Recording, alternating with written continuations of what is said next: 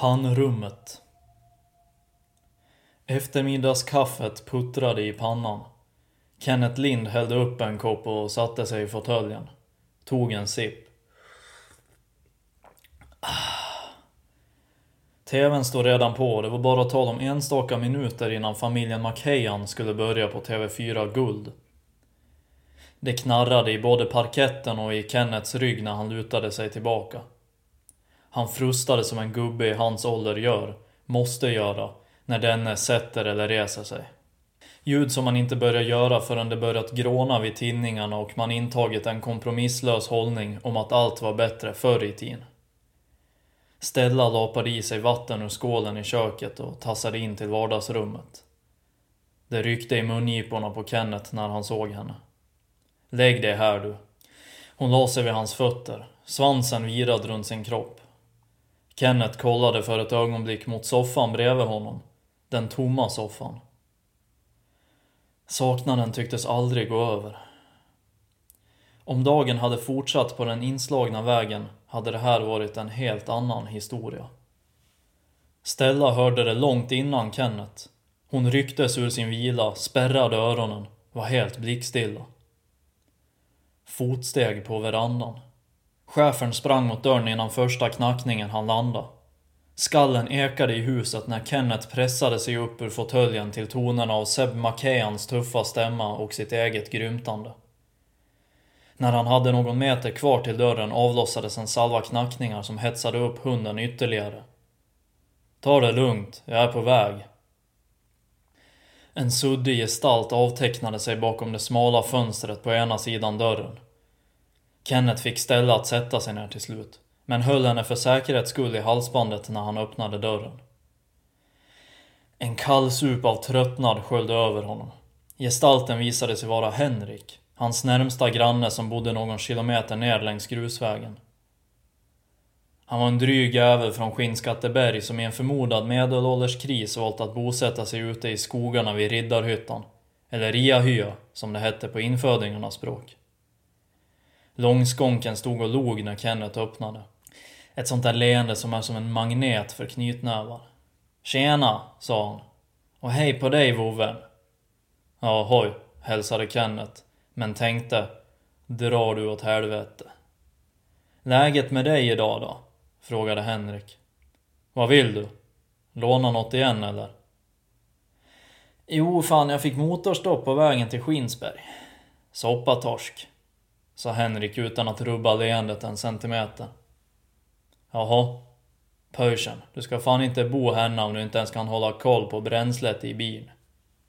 En jävla knivig sits alltså. Ja, jag står ute på vägen någon kilometer härifrån. Frugan och ungarna sitter och väntar. Nu pressade han ihop läpparna till ett streck för att på något sätt visa att han inte alls ville vara till last. Men det var han. Det är inga glada miner i bilen om man säger så, hehe. Familjen Macahan rullade på för fullt i vardagsrummet. Och du vill ha soppa? Henrik tog av kepsen och kliade sin analkande flint. Det hade ju varit för jävla schysst, verkligen.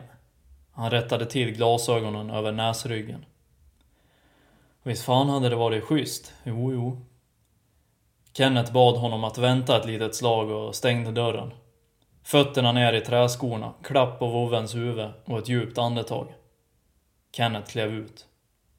Följ med mig då.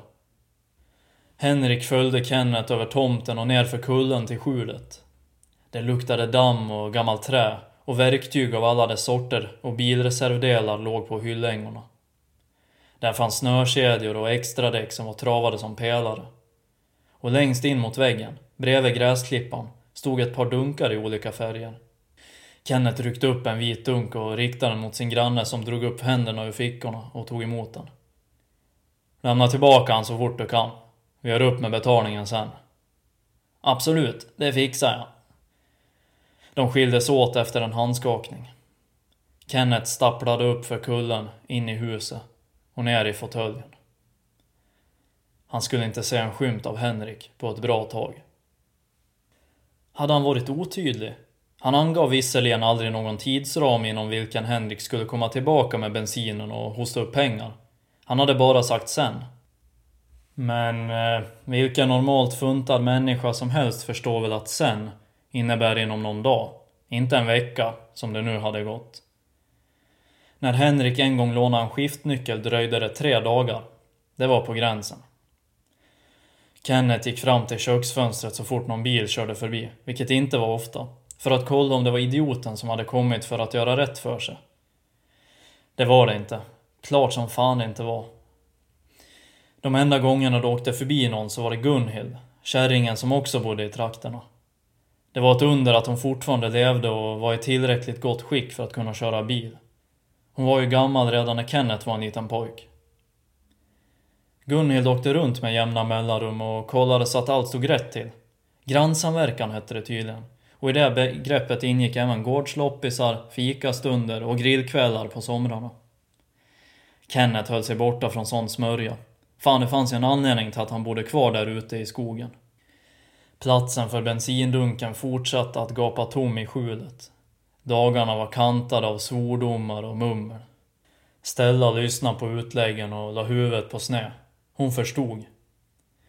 Och Kenneth var tvärsäker på en sak. Så här gjorde man ju inte förr i tiden. Man skulle inte försöka vara snäll dessa dagar. Från och med nu skulle han inte låna ut ett skvatt till någon. Om så kungen skulle komma och fråga ifall han fick använda skithuset så skulle han säga nej. Det var på den åttonde dagen Kenneth fick nog, satte sig i Volvon och rullade fram längs grusvägen. Stella satt i passagerarsätet och kollade ut mot träden som svepte förbi. De enstaka lövträdskronor som gömde sig bland barren hade börjat gulna. Gruset knastrade under däcken. Vägen förde dem upp och ner längs backar, tätt mellan grankvistar. Kenneth såg brevlådan på vänster sida och bromsade sen in när huset uppenbarade sig bakom en hög och vit grind vid sidan av vägen. Det var skyltat för videoövervakning. En lång uppfart sträckte sig bakom grinden till huset. Huset var inte särskilt stort, knappt större än Kennets, men det hade en nyrenoverad fasad som inte visste vad flagnad färg och skråmor hette. Och visst fan hade fanskapet skaffat sig en ny veranda. Jo du, för vissa går det bra. Kenneth stängde av motorn. Inte en enda bil stod på uppfarten och till synes var ingen lampa tänd. Han kollade klockan. Den var 16.37. Var väl bara en tidsfråga innan pappa eller mamma i familjen Dumfan skulle komma hem. Och då skulle han slå till. Kräva att få tillbaka bensindunken och en 500 plus ränta eftersom bensinpriset hade stigit sedan utlåningen. Han skulle gå fram, rätta till bältespännet och i sann Seb Macahan-anda prata vett med Henrik. Drygt en timme hade passerat när strålkastare trädde fram från vägkröken framför Kenneth. En pickup bromsade in och lät helljuset strömma rätt i ansiktet på honom. Vägen var blockerad. Han skyddade ögonen med ena handen. Stella morrade när någon klev ut ur den rejäla bilen och smällde igen dörren. Fotstegen i gruset kom närmare. Och när Kenneth kollade ut ur fönstret bredvid honom mötte han en kort kvinna med kraftfull blick. Ålderdomen hade löpt amok i varenda kvadratcentimeter av hennes ansikte. Hon knackade på rutan. Jaha, henne har du stått som en idiot i, ja jag vet inte hur länge, sa hon och så fort han hörde hennes barska röst kände han igen henne. Det var Gunhild. Du vet väl att de har kameror och larm och allt möjligt? Jo, jo. Men den där Henrik lånade bensin av mig för ett tag sedan och inte har han betalat mig ännu. Dunken har han också kvar. Så jag kom hit för att språka lite med han bara. Du har väl märkt att de inte är hemma? Jag tänkte vänta tills dess, så att jag kan lösa det här med honom. Lägg dig inte i nu förbannade kärringtacka, tänkte Kenneth. Det är så här att de är på skidsemester nu, sa hon. Och jag har blivit ombedd att se om huset åt dem. Du vet, de märker ju ifall någon står som ett fån utanför. Kan vara inbrottstjuvar eller, eller vad som helst. Kärringens anklagande blick var lika förargande, lika vidrigt som om hon hade spottat honom i ansiktet. Pösmunken har ju snott bensin av mig. Så det kanske inte vore mer än rätt om någon tog något av honom. Ni får göra upp om det där sen, men du lär i alla fall åka hem nu, sa Gunhild. Det vore fan ta mig inte mer än rätt om grabbhalvan fick något stulet, upprepade Kenneth och vevade upp rutan.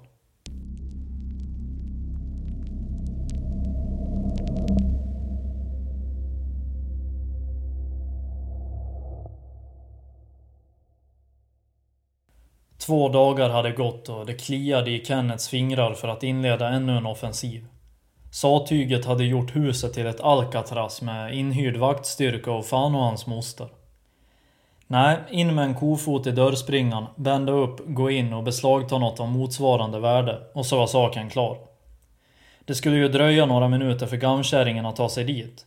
Och om hon hann dit innan Kenneth stuckit så kunde ju hon bara blockera vägen åt ena hållet. Kenneth stod och högg ved på stubben utanför pannrummet när han smidde sina planer. De kluvna vedklabbarna låg i en massgrav runt honom. Det här kan väl inte du Henke? Yxbladet delade ännu en klabbe. Prata kan du, men hugga ved, det kan du fan ta mig inte. Den tomma platsen, där bensindunken hade stått en gång, hånskrattade honom i ansiktet när han hade klivit in i skjulet för att hämta vedyxan. Lika hånande som den tomma soffan bredvid fåtöljen i vardagsrummet. Henriks leende flimrade förbi näthinnan. Det small till och en bit trä blev plötsligt två. Stella sprang omkring, jagade sin boll och viftade på svansen. Och den lilla gnistan som uppstod i att se det värmde mer än vad vedpannan skulle göra. Men det var fortfarande bara en gnista. En ynklig gnista. En ensam vindpust svepte fram över gården, susade i träden och skvallrade om kalla tider. Men Kenneth hade tagit av sig jackan. Pannan var lätt fuktig och flanellskjortan var på väg att etsa sig fast mot ryggen. Inte många klampar återstod, men han hade kunnat hugga hela dagen. Bödeln la en träbit på avrättningsbordet, var redo att svinga det dödsbringande svinget och... Hundskall ekade. Hon hade hört det långt före honom, hur en bil kom rullande längs vägen. Kennets hörsel var inte bra och hade aldrig varit sedan han tog jobb i gruvan när han var 14 år. Men till slut, när bilen var nästan inom synhåll, hörde han det också. Bilen var bekant. Mycket bekant. Och den stannade utanför huset. Kenneth gick mot den, kände hur adrenalinet utsöndrades stötvis för varje steg. Stella stod vid förardörren, bombarderade aset med skall, hindrade honom från att gå ut. Kom här. Stella lydde.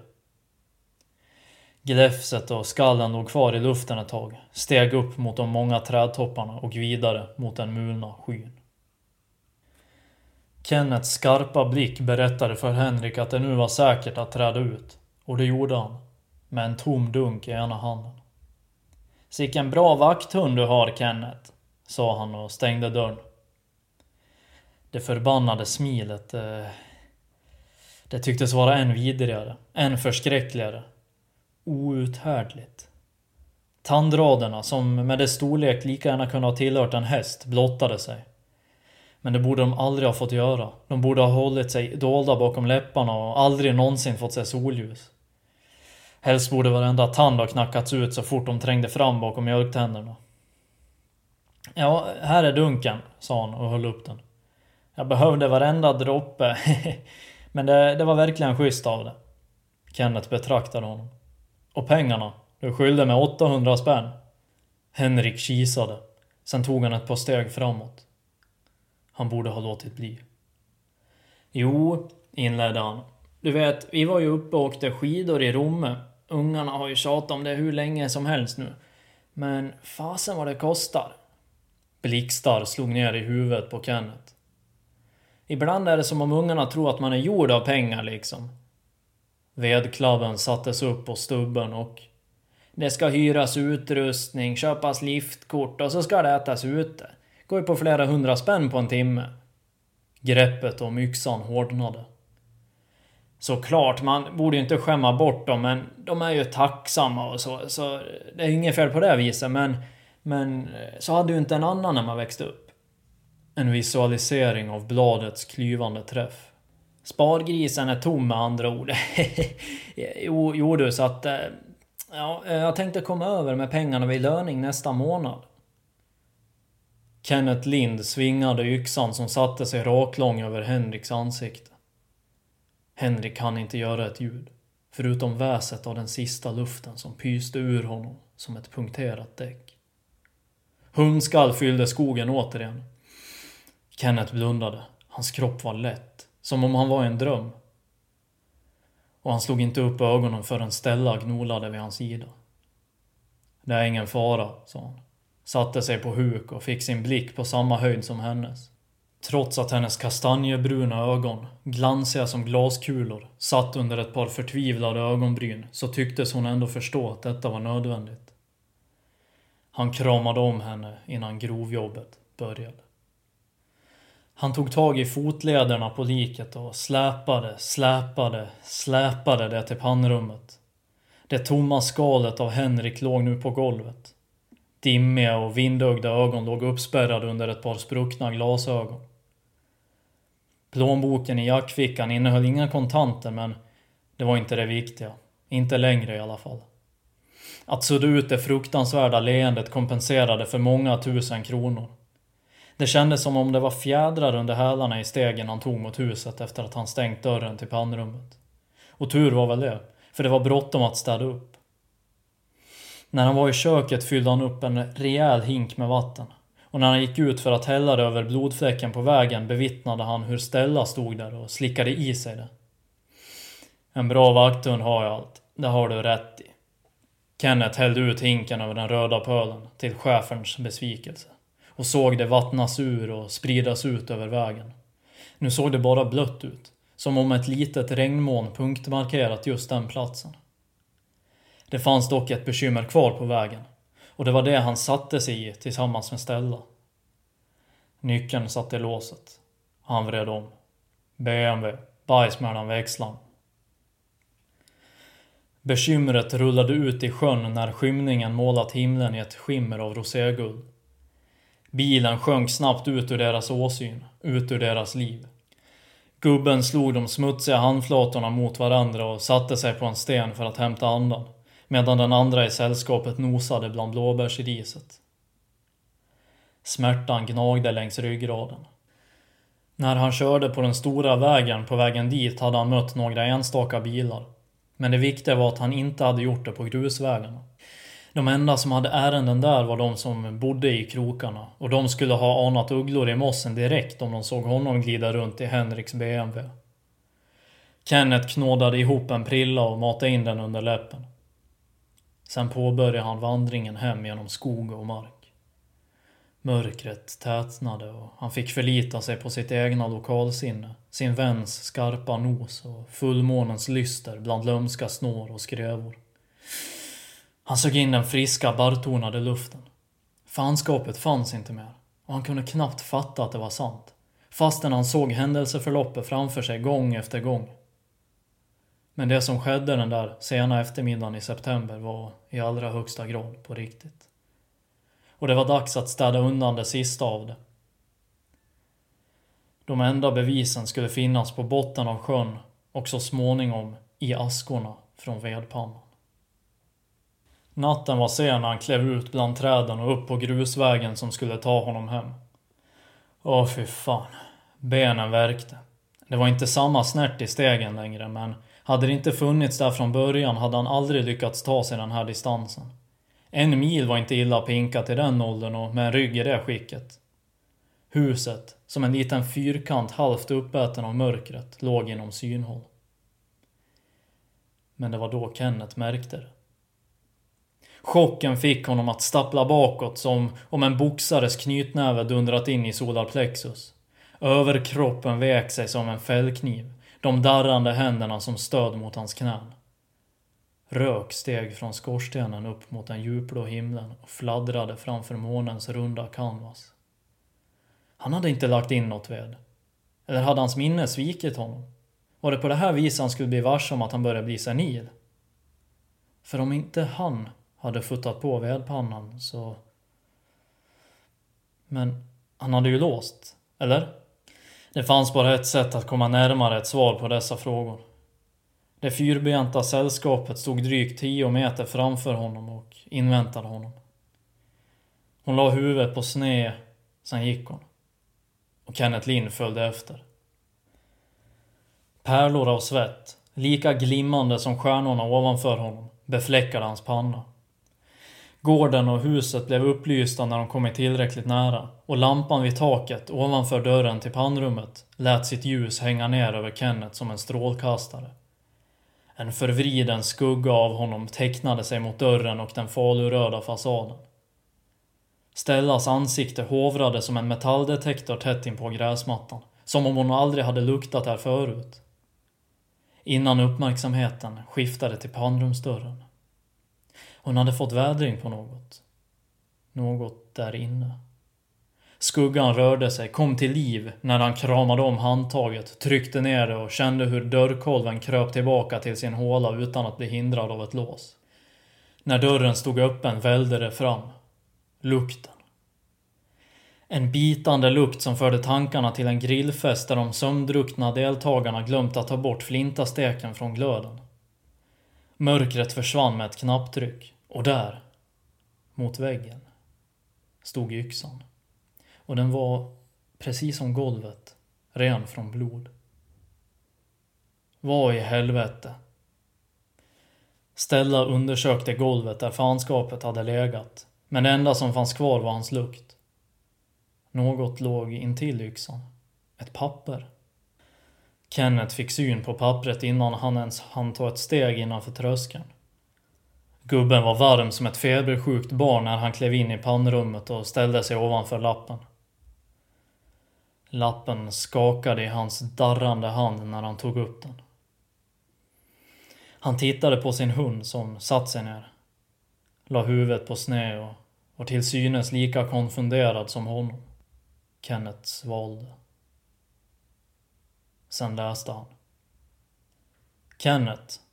Nu hoppas jag verkligen att du hjälper mig att hugga ved och skotta kommande vintrar. Vi grannar står upp för varandra. Med vänlig hälsning Gunhild.